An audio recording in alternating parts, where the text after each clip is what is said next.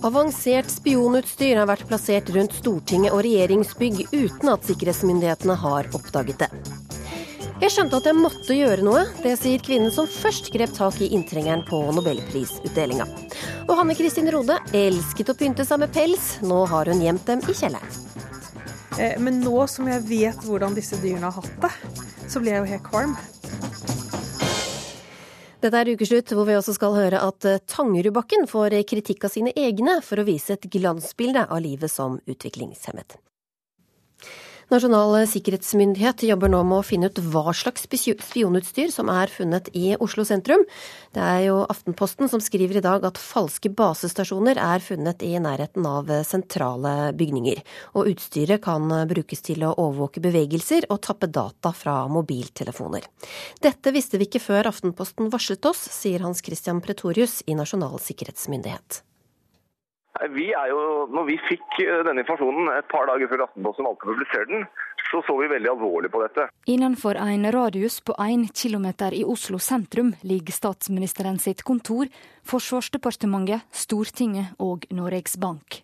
Innenfor dette området har Aftenposten funnet flere falske basestasjoner som kan tappe data fra mobiltelefonene til de som er i området. Nasjonalt tryggingsorgan har gjort de samme funnene, sier Pretorius. Vi har også gjort tekniske funn um, på lik linje med Aftenposten. Men vi jobber fortsatt med analyse for å konkludere med hva dette er. De som styrer overvåkingsutstyret kan finne ut hvem som er på Stortinget eller andre steder i området. Venstre-leder Trine Skei Grande krever at tryggingsstyresmaktene nå gjør alt for å finne ut hva dette er, og hvem som står bak. Nei, Man reagerer selvsagt sterkt på en så massiv overvåking som det som eh, her Aftenposten dokumenterer. Og jeg mener at de også bør gå etter, både for å, for å finne disse kildene, men også finne ut hvem det er som står bak. Det trenger ikke være én aktør, det kan være mange aktører som står bak den overvåkinga. Politiets tryggingstjeneste vil ikke kommentere avsløringene Aftenposten har i dag, men sier at det kan være flere aktører, både statlige og private, som kan ha interesse av å gjøre dette. Reporter var eh, Katrine Nybø. Anders Werp, du er eh, justispolitisk talsmann for eh, Høyre. Hvordan ser du på disse avsløringene? Nei, Dette er meget alvorlig. Ulovlig overvåkning skal ikke forekomme. Og dersom dette stemmer. Eh, det mønsteret som eh, reportasjen i Aftenposten forteller oss, at dette kan synes som er innrettet mot storting, statsminister og den øvrige politiske ledelse i landet, så berører det jo faktisk også rikets uh, sikkerhet. Så jeg og vi forutsetter at her må man gå grundig til verks og finne ut hva som er fakta i saken. Og ta de nødvendige forholdsregler derfra. Hvordan oppleves det at du som eh, stortingspolitiker er en av de som kan ha blitt eh, avlyttet og overvåket her? Nei, Vi som stortingspolitikere eh, skal ikke være overrasket over at vi eventuelt er i målgruppen for å bli overvåket. Vi er en del av landets øverste politiske ledelse. Vi blir brifet om dette fra PST underveis på Stortinget. Eh, vi har tilgang til avlyttingssikre rom, vi har møterom hvor vi må legge igjen mobiltelefonen. og vi får stadige påminnelser om at vi må være forsiktige med hva vi sier i mobiltelefonen og sender på e-post osv. Så, videre. så så vi er nok sånn sett blant de bedre opplyste og, og bør ikke være overrasket. Så dere har vært godt eh, forberedt på at dette, dette forekommer? Det, vi er i hvert fall forberedt på at det kan eh, forekomme, men mm. det omfanget som vi, vi ser her er uansett alvorlig. Og det må, få, få, det må det jobbes med å forklare til hva dette er. Og det må, vi må håndtere det slik at dette faktisk ikke berører beslutningstakerne for landets videreutvikling, for å si det sånn. Men Vi hørte her akkurat at Nasjonal sikkerhetsmyndighet de, de, visste ikke om det her, men de har sjekket og bekreftet det etter eh, Aftenposten varslet dem. Er ikke det foruroligende at eh, sikkerhetsmyndighetene ikke har sjekket dette før? Det bekrefter alvoret i saken, det er det ingen tvil om. Eh, og, og jeg forutsetter jo at uh, Justisdepartementet, som er den koordinerende myndigheten uh, for denne type hendelser, nå iverksetter eh, også de operative eh, delene eh, i justissektoren som skal håndtere dette. Og så skal vi gå dypt inn og, få oversikt over hva som faktisk er, er realiteten i saken. Tusen takk skal du ha, Anders Werp. Det er Aftenposten som i løpet av to måneder har avslørt og kartlagt mobilovervåkingsutstyr i Oslo. Og Håkon Borud, du er nyhetsredaktør i Aftenposten. Hva er det dere har funnet? Eh, nei, La meg først si at eh, De som egentlig burde sitte her, er jo våre journalister Per Anders Johansen og Andreas Bakke Foss. Men de er travelt opptatt med å jobbe videre med denne saken her. Det vil jeg tro. Eh, det, det vi har funnet, er jo at det er flere såkalte falske basestasjoner plassert i nærheten av viktige institusjoner i, i Oslo sentrum. Såkalte IMSI-catchere, som kan fange opp eh, mobiler og tappe mobilaktivitet. Men hva slags utstyr er dette egentlig? Altså er det, hvor stort er det, og hvor vanskelig er det å plassere det osv.? Nei, sånn som vi forstår det, så finnes det veldig mange ulike sånn, sånn type utstyr. Eh, det vi vet, er at det kan være på, bør ikke være noe stort større enn en PC, og mindre enn det for så vidt. Eh, men vi vet at det, en del av det utstyret som eh, vi da har eh, oppdaget, er veldig avansert og veldig dyrt. Så dette er ikke sånn gutteromsutstyr. Men Kan du fortelle litt om hvordan dere har jobbet for å avdekke dette? Ja, altså, Journalistene våre begynte altså med å kartlegge eh, store strekninger rundt omkring i Oslo med såkalt kryptofon, en av verdens mest avanserte mobiltelefoner. Da fant vi 122 områder med mistenkelig aktivitet. Så sendte vi dette materialet til eh, Politiets sikkerhetstjeneste, Oslo-politiet, Nasjonal sikkerhetsmyndighet og en del andre, andre institusjoner som ikke kjente til dette eller ikke ville kommentere det. Da kontaktet vi noen med enda mer proft utstyr som hjalp oss med å måle enda nøyere, og til slutt så endte vi opp med seks eh, seks helt bekreftede, eller høyst sannsynlig, som de sier i rapporten vi har fått, eh, eh områder hvor det står IMSI-catchere. Helt til slutt, hva har dere funnet ut om hvem som kan stå bak det her? Nei, det er det ingen som vet. Det håper vi jo at noen kan gi svar på etter hvert. Men Aftenposten har ikke avslørt hvem som står bak. Men hvem kan det være, da? Nei, det vil ikke jeg spekulere i, det må andre spekulere i. Tusen takk, Håkon Boro, nyhetsredaktør i Aftenposten. Hvordan var det å møte de som har vunnet Nobels fredspris? Helt fantastisk. Jeg vet ikke hvordan jeg skal forklare det, men det er veldig stort for meg, da. It's like a dream. Jeg bare følte oh my god, skjer dette virkelig?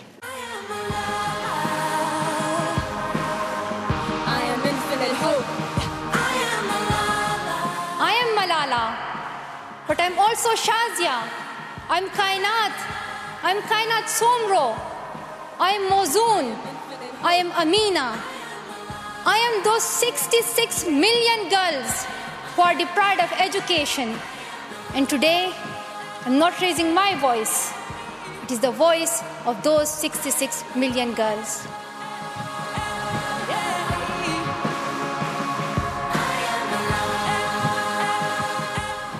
Whose children are they who stitch footballs, yet never played with one? Whose children are they who harvest cocoa, but have never tasted a chocolate? Whose children are they who are dying of Ebola? Whose children are they who are kidnapped and made hostage today? They are all our children. You will, for all the future, be two new jewels in the history of the Nobel Peace Prize. Årets eh, fredsprisutdeling har satt barnearbeid i fokus. 168 millioner barn er i dag på jobb, mange under slavelignende forhold, ifølge Redd Barna. Ukeslutts reporter Ingvild Fjelltveit har eh, møtt en tidligere barnearbeider som vet hvor viktig nobelvinnernes kamp for barns rettigheter er. Jeg har det som problem. Hvis jeg ikke jobber, det kaster meg ut.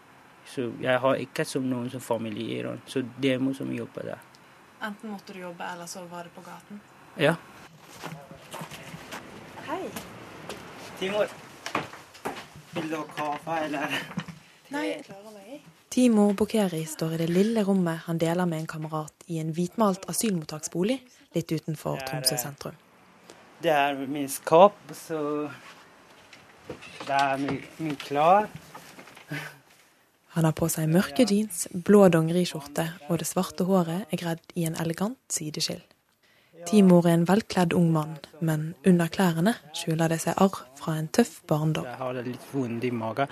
Nå så jeg, hvis jeg jobber veldig hardt, så jeg skal holde lufta noen ting, så jeg har så vondt. Fordi jeg er litt skadet i magen. Inni meg. Fordi jeg lufter mye stein og sånn. Det er veldig ikke så bra. Da Timo var ni år gammel, mistet han begge foreldrene sine og måtte rømme fra Afghanistan til Iran for ikke selv å bli drept. Der ble han en av mange barnearbeidere på et stort steinhuggeri. Så etter seks måneder så jeg begynte på steinfabrikken. Så jeg jobber, jeg skal vise deg noen som bilde. Så vi får se den som veldig vanskelig. På iPaden sin finner Timo frem bilder av fabrikken som ble arbeidsplassen hans i fem år. Ja, denne bildet, det, du ser det veldig Egentlig det er veldig langt, veldig stor stein, så vi må bare uh, flytte herfra dit, og så bare vi valger denne steinen der, og så den der. Så når den kunden kommer, og så vi kan vise den, og så den som kjøper, og så den for hus. Bildet viser store, tunge steinheller som Timor og de andre barna måtte bære rundt i fabrikken. Gjorde de ikke det, ble de slått av de voksne. Jeg ser på det bildet, den som slår på hodet hans, så det kommer masse blod. Så de andre afghanerne står der bak han og så ser på han, og så Det gjør ingenting. Hvis han gjør det, så de slår han. Hvor mange år er han? Han er bare ni år. Even when a single child is trapped into slavery, we cannot say with pride that the world is free. Even if one single child is in danger, I will never believe that the world is safe. Kailash Satyarthi fikk Nobels fredspris for sitt arbeid for barn som Timo. Det er helt fantastisk han gjør, fordi det barn trenger mye som hjelp. Timor er glad for at Satyarti og barnearbeid igjen får mye oppmerksomhet, men mener det fortsatt er et stort problem. Jeg forstår her i Norge, ikke jobber, men i Afghanistan det jobber sånn. Ti-ni år. Fordi det har ingenting, ingen har mulighet til å gå på skole. Ja, nå er vi på vei til barnehage. Så skal dra der og se på barn og Hallo! Kontrasten er stor fra Timors barndom til hverdagen for barna i barnehagen, der han jobber i dag. Her når jeg kommer og begynner på jobb, så hilser jeg til barna så litt. Så vi kan dra sammen ut. Timor trives godt i barnehagen og har lyst til å fortsette å jobbe med barn. Tror du barna syns det er hyggelig at du er der? Ja, det Du ser det. Jeg kommer, så alle ja, Timor, Timor.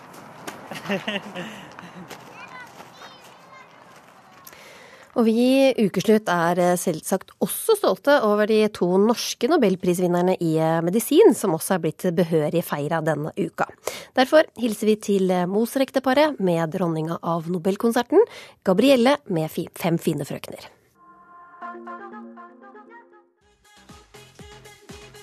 Vi må finne ut av hva som egentlig skjedde, for dette skal ikke skje. Det blir litt dårlige bilder fra Norge ut i verden? Ja, vi bør ha bedre sikkerhet enn dette. Statsminister Erna Solberg var alvorlig i blikket etter sikkerhetsskandalen under Nobelutdelinga onsdag. TV-bildene av meksikaneren som stormet Nobelpodiet har gått verden over, og har vakt oppsikt også i USA. Korrespondent Tove Bjørgaas, hvordan har reaksjonene vært der? det er vel den vanlige sånn hoderystingen fra amerikanere som er vant til veldig strenge sikkerhetssjekker. At vi i Norge er litt Ja, det er det snilleste landet i verden på, på alle måter.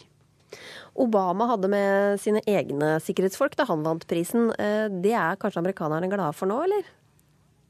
Ja, de er nok veldig opptatt Altså, Obama har alltid med seg eh, sin egen bil og, og, tusenvis av mennesker som forbereder besøkene hans, spesielt sikkerhetsmessig, fordi amerikanerne stoler ikke på noen andre enn seg selv akkurat i forhold til dette. Men de har jo hatt sine egne problemer her, og da det var en fyr som klarte å hoppe over gjerdet og komme seg nesten helt inn i Det hvite hus ganske nylig. Så de sliter litt, de også, men, men de mener vel at de er best, eh, best på sikkerhet likevel. Og hvordan er sikkerhetsopplegget rundt eh, Obama? Nei, rundt Obama er det jo ekstremt strengt.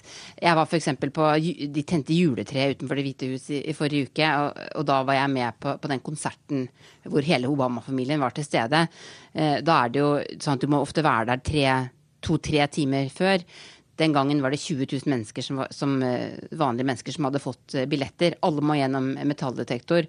Det, det, skjer raskt og effektivt. Men så må du da sitte der og vente i to timer i kulda fordi de skal liksom undersøke området med hunder og sørge for at alt er som det skal. Og, og så gir de også beskjed eh, 20 minutter før presidenten kommer at ingen får lov til å reise seg fra sine stoler. Og da vet du jo også at det er ja, ikke sant? Og da vet du også at det er folk med, som er bevæpnet eh, i hele området. Eh, og det er jo også den store forskjellen, at, at her eh, ja, skyter man heller før enn en, en senere. Mm. Denne mannen som uh, tross alt klarte å hoppe over gjerdet til Det hvite hus, har den episoden fått noen konsekvenser? Den har fått mange konsekvenser. Spesielt etter at en annen mann eh, endte opp med å befinne seg i heisen sammen med president Obama eh, i Atlanta eh, og, og, hadde sagt at han ønsket å true presidenten. Eh, så, så, her det, eh, har det vært flere feil, og det har gjort at bl.a. sjefen for Secret Service, presidentens sikkerhetspoliti, nylig måtte gå av. Eh, dette er noe man tar meget alvorlig her. men likevel så har man et, et sikkerhetsopplegg i bunn som er, som er veldig strengt, og som stort sett fungerer fungerer. Men som folk sier, du kan aldri være helt sikker. Men jeg tror ikke en eh, meksikansk student hadde klart å komme seg opp eh, på scenen rett foran Malala og den norske kongefamilien dersom Nobelutdelingen hadde vært her i USA. Det tror jeg skulle mye til. Tusen takk, eh, USA-korrespondent Tove, Tove Bjørgaas. Og Kristin Hafsel, du er seniorrådgiver ved UDs besøksseksjon. Og det var altså deg vi så ta tak i denne meksikaneren først, sammen med Torbjørn Jagland. Hvilke tanker var det som raste gjennom eh, hodet ditt da du så han gå opp mot presisvinnerne? Nei, jeg satt uh, ganske langt fremme i salen. Og uh, var jo beveget som resten av salen. Og Malala skulle akkurat få sin medalje. Og så så jeg da denne personen komme inn fra venstre, løpe over gulvet mot scenen. Og jeg visste jo umiddelbart at dette er ikke en del av regien. Han skal ikke være her. Og jeg tenkte som mange andre at det er sikkert PST, de kommer sikkert på plass nå og fjerner han. Og jeg syns jo synd på, på, Malala og fredsprisvinnerne generelt, for dette er en stor dag for dem, og dette er høydepunktet. Uh, og så merket jeg jo at sekundene gikk, og ingenting skjedde. Og jeg så også at uh, Jagland ble fortvilet. Og jeg tenkte, så satt jeg, sto ganske nær, at noe måtte gripe inn noe måtte gjøres. For nå hadde det gått så lang tid han fikk eh, regjere scenen. Mm. Og tenkte veldig på fredsprisvinnerne. Så det, jeg tenkte nei, nå må jeg bare gripe inn. Og det første jeg tenkte, jeg må ta i hvert fall flagget og signalisere at dette er galt. Og så kommer helt sikkert eh, politiet på stedet. Og det gjorde det. Mm. Hadde du noen, noen, tanker om hva du skulle gjøre med han hvis de ikke hadde dykket opp? Ja, ja det var mange tanker som, eh, som, eh, som, slo meg. Men jeg tenkte at eh, det kommer sikkert. Og så så jeg han, han, han var jo ikke så stor. Så, mm. men jeg tenkte at det var Det kom forhåpentligvis noen raskt, da. Så jeg tenkte i hvert fall hvis jeg tar flagget og viser uh, handling, så kommer uh, flere til. Og jeg så jo også at Jageland var veldig fortvilet. Nå må, nå må det skje noe. Mm. Mm. Var du letta da politiet kom? Ja, veldig lettet. Veldig lettet. Mm. Hva, hva, tenkte du etterpå, da? Når liksom situasjonen hadde roet seg og du kunne sette deg ned igjen? og... Uh, jeg tenkte, ja, altså jeg hadde veldig fokus på Jeg syntes det var så synd at han skulle uh, sette fokuset vekk fra det som er innholdet i seremonien, og tenkte veldig på fredsprisvinnerne. Og jeg tror jeg bare begynte å klappe veldig, og kanskje enda mer, for Malala, og tenkte at nå, og Kalish, da, nå, ja, de fortjener oppmerksomheten. Mm. Vi har også med oss eh, Magnus Ranstorp. Du er ekspert på terror ved Forsvarshøgskolen i eh, Stockholm. hvilke tanker gjør du deg rundt uh, sikkerheten når du hører Kristin Hafsel fortelle her? Ja, det, det skal jo hun ha en eloge for hennes innsats som var viktig. Det gjelder jo hele tiden å ha den rette, den rette sikkerheten, og det her er jo Norges viktigste arrangement. Og når det er såpass mange dignitärer i, i, rummet och när du också har um, två pristagare, framförallt en Malala som, som, där det finns ett uttalat hot mot henne och hon har redan uh, utsatts för det så, så får man ha extra säkerhet. Och jag är väldigt förvånad. Uh, det är ett stort misstag um, som inte får ske uh, i, i de här sammanhangen. Mm. Vad, vad, hva burde politiet ha gjort, sånn som du ser det? Nej, dels, dels måste man ha personal som eh, inte, är inte många meter från eh, scenen. Och, och eh, de måste ju också se till att man inte kan rusa över scenen eller från platsen. Men sen är det väl också så att personen tar sig in utan biljett. Och, och det är ju också ett, ett, ett misstag som, som... Så det är hela kedjan egentligen. Man ska ha järnkoll på vem som kommer in. Eh, man ska ha utstationerad personal som kan smälta in men som snabbt ingriper och vet exakt vad de ska göra. Um, så det inte blir sånne här pinsamheter men också väldigt, väldigt allvarlig säkerhetssituation. Ja, vad kunde ha skett? Ja, det kunde ju varit vad som helst. Jag menar, dels, uh, skulle personen kunna gjort vad som helst beroende på vad de hade haft för tillhyggen. Uh, dels mot Malala men også uh, mot, mot andre dignitærer uh, som, som, som fanns der. Så att, og, og och det, det, tilhører jo oppgiftene for livvaktskyddet att kunna hantera sådana här saker. Alltså det, det sitter i, i, i DNA, i, i ryggmärgen. De, rea, de ska reagera snabbt men då har man inte gjort den rätta bedömningen på hur pass nära måste de vara. hur kan man blockera olika tillgångar till, till pristagarna? Eh, och, och, när det handlar om sådana här personer så måste man också ha extra säkerhet så att det inte sker någonting. Mm. Hvilke følger bør eh, denne hendelsen her eh, få, syns du? Ja, jag tror att eh, inom PST måste man ta en, eh, det tror jag också har skett, en väldigt kritisk eh, diskussion. vad var det som gick fel? det här får inte upprepas igen. Um, men sen så tror jag också att man får tänka igenom säkerheten kanske ännu mer. Framförallt på de här stora eh, händelserna. Um, eh, men också där det samlas väldigt viktiga personer. Nu vet jag att PST är väldigt duktiga på, på, på det normalt sett. Så det var någonting som hände den här gången. Mm. Um, och um, då gäller det bara att uh, gå till botten med det och se till att uh, man säkrar upp ännu mer nästa gång så att det inte sker igen. Ett år til neste gang. Vi har selvsagt også invitert både politiet og Politidirektoratet til å komme hit i dag, men det hadde de ikke anledning til. Tusen takk, Magnus Ranstorp og Kristin Hafsel, for at dere kom til Ukeslutt. Bli med videre, så får du høre mer om dette. Tangerudbakken viser et glansbilde av det å være utviklingshemmet, mener lederen av Norsk forbund for utviklingshemmede. Vi er bare oss selv, svarer Hansine.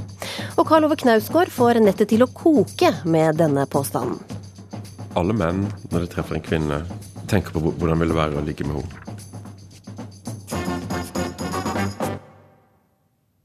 Altså, jeg har en gammel pels fra 1980.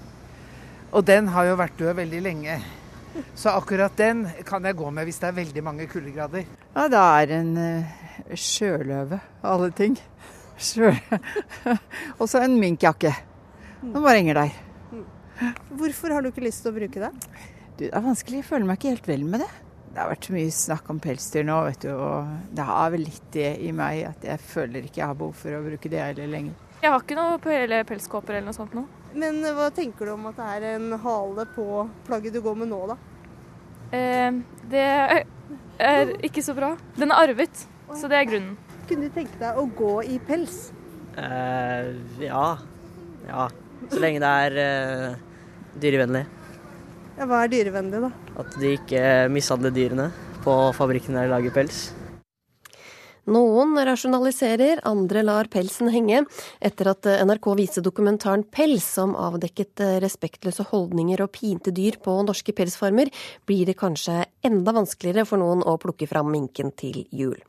Reporter Kari Li ble invitert hjem til en angrende synder som har kjelleren full av pels. Dette er eh, en rødrevpels som jeg kjøpte etter å ha spart opp fra lønnen min fra mitt første jobb, altså rundt 1988-1989. Husker du hvor mye den kosta da? Jeg mener den kostet 12 000 den gangen, så jeg sparte iherdig, for jeg ønsket meg den så veldig. Hanne Kristin Rode viser ei lang og tung kåpe som får meg til å tenke på Ivo Caprinos reveenka. Den fotside rødrevkåpa var Rodes drømmeplagg som nyutdanna jurist på 80-tallet. Da var jeg stolt, og jeg følte meg veldig fin. Eh, og det var jo et innkjøp som jeg hadde spart til lenge, så det var sånn veldig etterlengtet, og jeg følte meg som en ordentlig dame. Og hvis vi ser helt bort fra alle lidelsene bak dette myke håret, så er det jo et vakkert plagg. Eh, men nå som jeg vet hvordan disse dyrene har hatt det, så blir jeg jo helt kvalm. Rode er alltid pen på håret, sminka og med gnistrende smykker. Om vinteren gikk den tidligere lederen på politiets avdeling for vold og seksualforbrytelser alltid med pels. Men for to år siden gjemte Rode plutselig alle pelsklærne sine i kjelleren. Det var etter å ha sett en dokumentar om pelsdyrhold. Eh, hvor jeg forsto at eh, jeg har ingenting å si til mitt forsvar. Jeg er rett og slett skyldig. Det er bare å vifte med hvitt flagg og bli et bedre menneske. Hun gikk til nød med på å ta opp rødrevpelsen fra kjelleren, men nekter å ta den på. Nå er vi altså bare under 24 timer etter brennpunkt med dyrs lidelser. Så, så nå har jeg en hånd på den, og jeg, jeg, føler at det er å strekke meg veldig langt, da. På Brennpunkt tirsdag kunne alle som orka se minkvalper med åpne sår på kroppen. Og reven som hiver etter luft fordi den er påsatt ei kvelertang for at den ikke skal sprelle under inseminering. Og pelsbønder blotta for empati. Hjertelig velkommen i min farm, og prøv å motbevise meg. Eller prøv å, å, å forklare meg at dette her er dyreplageri. Ingvild Skedsmo utfordrer alle som tror på det de så i pelsdokumentaren. For det gjør ikke hun. Det, jeg har sett det med egne øyne. Jeg har sett mange av inseminert rev, og jeg har aldri sett sånn behandling. Så jeg vet ikke om altså, For alt det jeg vet, så kan det være iscenesatt. Men du tror ikke på dokumentaren, da, rett og slett? Eh, nei, egentlig. Jeg, altså, jeg må jo tro på det jeg ser. Men Magefølelsen min eh, og tidligere kunnskaper sier meg at det er noe som skurrer her, for det er for jævlig. Pelsbonden på Toten går i rød termodress og tjukke vintersko. På toppen av hodet har hun en hårtull med dreads. Jeg har gått i farmer. Jeg har vært i enormt mye farmer, og jeg har sett og jeg har sett og jeg har prøvd å se på dyra at er dette her dyreplageri? For mange år siden syntes hun det. Da var hun med på å slippe ut rever og sabotere pelsdriften for bønder i Finland vi skjønte også det når, vi, eh, når jeg slapp ut de reva, for de fant de jo døde i området rundt bura sine noen dager etterpå. Det gikk jo opp et lys for oss at det var fryktelig dumt, liksom. For to år siden blei Skedsmo pelsbonde sjøl. Nå har hun 700 dyr i bur. Jeg syns det er ordentlig trivelige dyr å jobbe med. Ordentlig koselig. Vi er inne hos dyra, men de er helt stille. De brune minkene har reist seg opp på to og står med frambeina på gitterveggen og snuser inn besøket fra hvert sitt bur. Altså, fin gutt. Altså, fin gutt. Ja. Eh, jeg har 90-90-bur. Klatrebur. Med, med, de største redekassene. XL-kasser heter de. Jeg kan ha opptil fem i buret. Valper. Når de er tatt ifra mora si, så tar jeg fem og fem og setter ut. De går jo ikke i små, trange nettingbur. Mine dyr har to rom og kjøkken. Samt rugekasse. Det er jo et bur. De, ikke, de, kan ikke bevege seg sånn som de vil. Eh, jeg har hatt hetterotter, som sagt. Jeg har hatt kaniner. Jeg har hatt uh, marsvin i mengder. Jeg har hatt uh, bikkjer av alle typer. Jeg har, hatt, uh, jeg har bikkjer. Så jeg syns ikke disse her har det noe verre enn kaninen som sitter i buret og gjerne blir glemt innimellom, altså. Har vi dyra for vår skyld, eller har vi dyra for dyras skyld? Det kan jo lytterne tenke litt over. Du sammenligner det med kaniner og rotter og sånn, men det er vel en forskjell i gemytt, er det ikke det? Nei, egentlig ikke. De, ja, de er ikke på en måte Det er ikke kjæledyr. Disse her er produksjonsdyr. Man skal ikke gå og dulle og klappe og Dulle kan gjøre, men man skal ikke gå og klappe og temme dem. De, de er jo ikke temt. Ja, skulle du vært ute en tur? Hadde ut noen i går, skjønner du. Skedsmo har på seg en tjukk skinnhanske for å beskytte mot bitt fra minken. Men når Skedsmo åpner døra, tør ikke minken gå ut. Det Burde det ikke vært mindre sky, på en måte? Eller sånn enda mer sånn trygg på deg, da? Hva da, tenkte du? Altså, at dyret bare kommer ut eller har tillit. Sånn. Nei, som sagt så er de ikke temt. Det er ikke ting jeg gjør hver dag med dem. Han, han har jeg gjort det, gjort det, litt med, i og med at det er jeg Det er derfor han ikke går lenger. For han har liksom skjønt det. Men, men man kan jo ikke gå og temme disse dyra hver dag. Da blir det plutselig kjæledyr. Nå er det flere politiske partier som sier de vil kutte støtten til pelsnæringen og avvikle næringen totalt sett. Mm. Hva syns du om det? Hvis vi skal forby pelsdyroppdrett i Norge, så drar jeg, tar jeg med meg alt sammen, og så flytter jeg til et annet land. Og da vil jeg antageligvis tredoble produksjon. Etterspørselen etter pels den kommer aldri til å avta. Den, den, har økt i betraktelig på de åra fra jeg var uh, ung og gal til nå, liksom. Så er det etterspørselen etter pels uh, Det er helt vanvittig. Vi greier ikke å produsere nok pels. Her mener jeg det er lettere. Og telefonen er i hvert fall veldig greit. For den driver jeg jo med hele tiden. Den er jeg av tid, ikke sant. Jeg jo, kan jo ikke gå rundt og skamme meg og være flau fordi jeg ikke har skjønt noe før nå. Jeg er bare glad for at jeg oppdaget det i tide og kan være med og slåss for at denne næringen må gå ned. Hanne Kristin Rode sitter ikke rolig og angrer. Hun er i stedet hyper på sosiale medier. Jeg gikk bananas i dag tidlig fordi at uh, dette er så viktig. Så jeg tenkte jeg kan ikke bare si at dette er viktig, og så går jeg og gjør noe annet. Da må jeg jo vise det i handling. Også statsministeren er blitt tildelt noen twittermeldinger fra pelsmotstander Rode. Hvis regjeringen faktisk ikke tar dette til seg, så vil jeg ikke ha den regjeringen.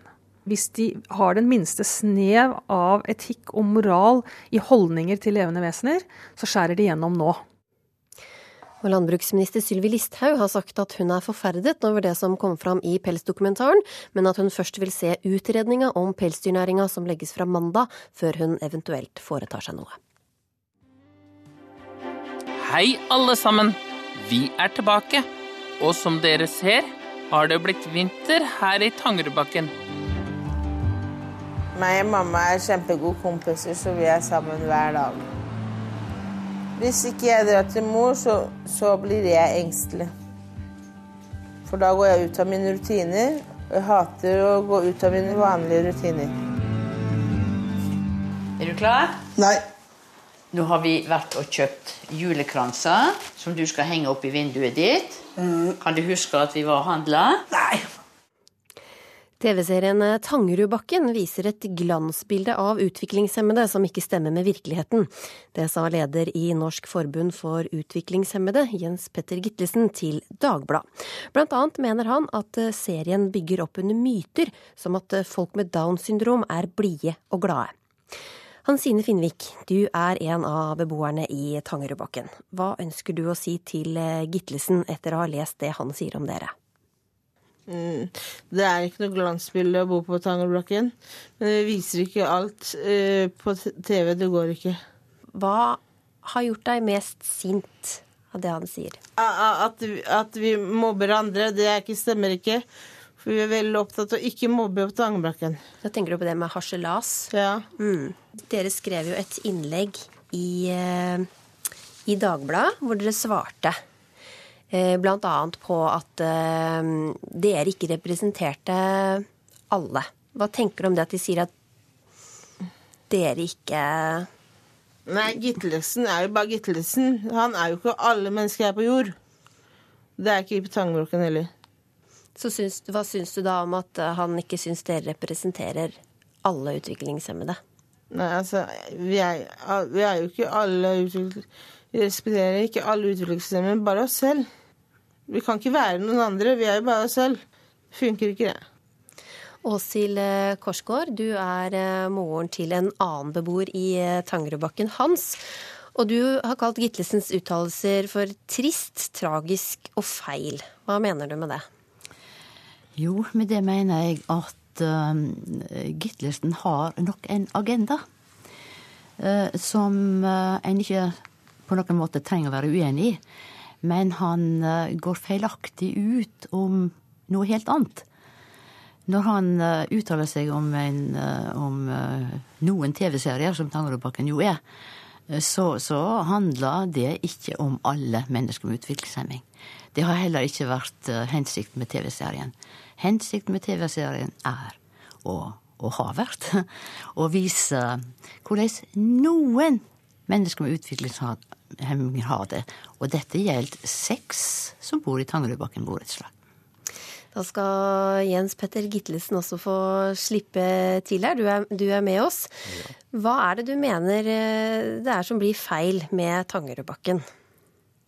De bygger opp under myter i den forstand at de omhandler grupper. Gruppen utviklingshemmede. Det er helt greit, det òg.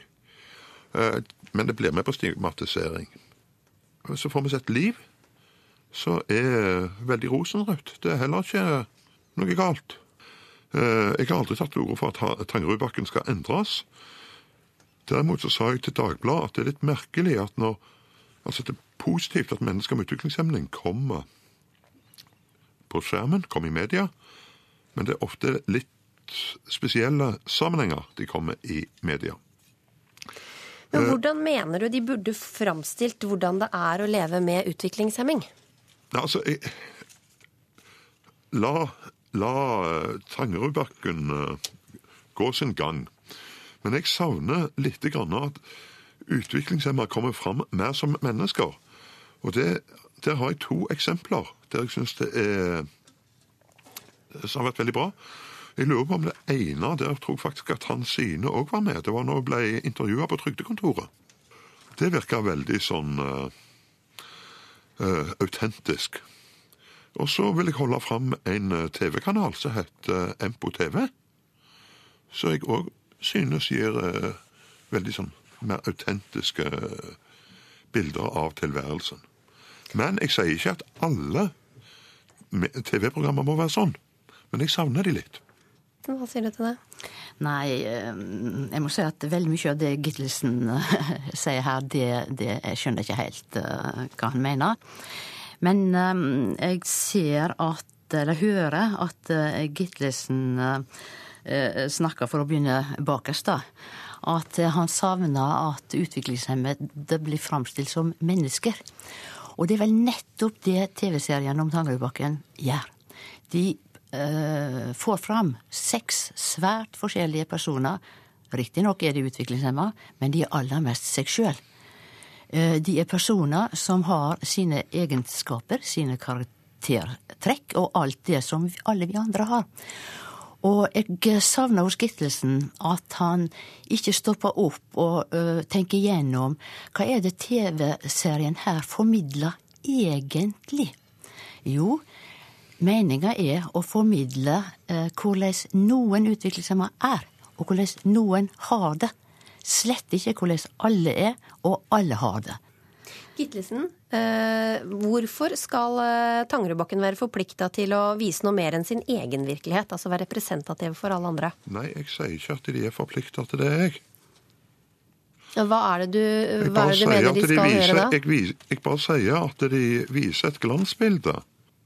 I Oslo i perioden fra 2007 til 2012 så var det 40 tilsyn med tjenester til mennesker med utviklingshemning.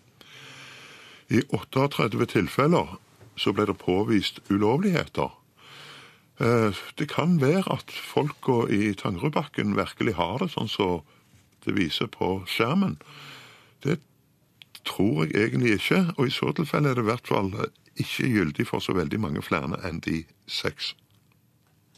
Sier du det, Åshild? Er det ikke virkeligheten dere viser? Ja, nå øh, Jo, vi viser virkeligheten for de seks som er med i serien. Men som Hansine sa i stad, Vi viser ikke alt. Det vil ikke noen ha gjort. Men polerer dere det? Ta bort det verste? Ingen polering. Dette er deler av tilværelsen deres. Vi gjør ingenting bedre å være, men vi viser slett ikke alt. Og hvis jeg var med i en serie, så ville jeg òg uh, tatt avstand fra det at jeg skulle vise hele meg i disse seriene. Men sånn som Disse har jo også fått være med på Berserk, annet, på seiltur. Og det er kanskje ikke så veldig realistisk for eh, mange utviklingshemmede å få være med på noe sånt? Nei, det var heller ikke hensikten med den turen. Hensikten var under mottoet Alle kan. For å vise ikke nødvendigvis hvor vellykka dette var og hvor godt det gikk, men å vise en mestring som også eh, utviklingshemmede kan uh, klare. Og det var hensikten med den. Det var ikke en gest fra Jarl Andhøy, sånn som han uh, Gitlesen har sagt. Tvert imot. Dette var et bidrag inn til uh, befolkningen om at sånn kan også utviklingshemmede greie. Men er du redd for at folk skal tro det er lett å ha en utviklingshemming? Nei, det, det, det går liksom inn i det mønsteret. Altså, Tangerudbakken er helt greit. Jeg betrakter det som en underholdning. Og Silforlover betrakter det som noe annet.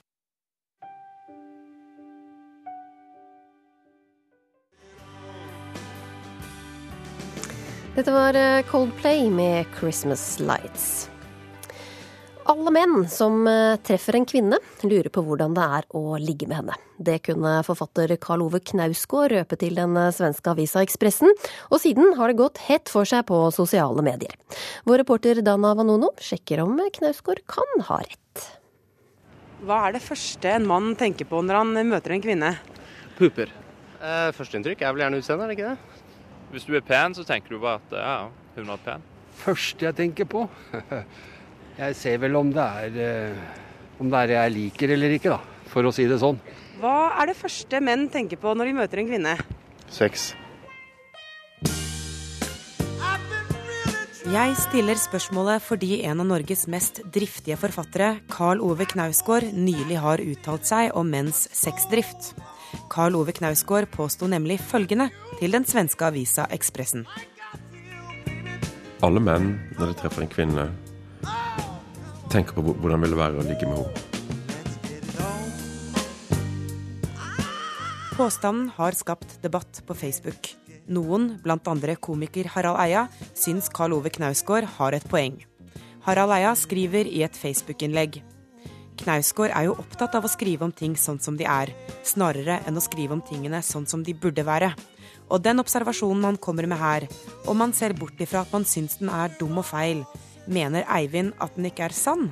Hæ? Nei, det kjenner jeg meg ikke helt enig i. Eivind er samfunnsdebattant Eivind Trædal. Han har også slengt seg med i Facebook-debatten.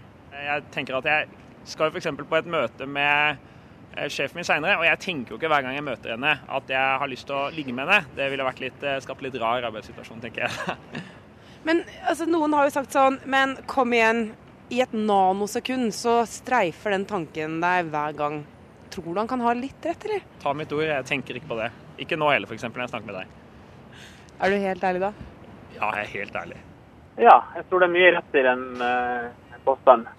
Kjendisfotograf Rolf Ørjan Høgseth har knipset tusenvis av bilder av lettkledde damer. Å lure på hvordan det er å ligge med kvinner man møter, er helt naturlig, mener han. Det er naturlig. Det er en, del, det er en viktig drivkraft uh, på lik linje med sult og frykt osv.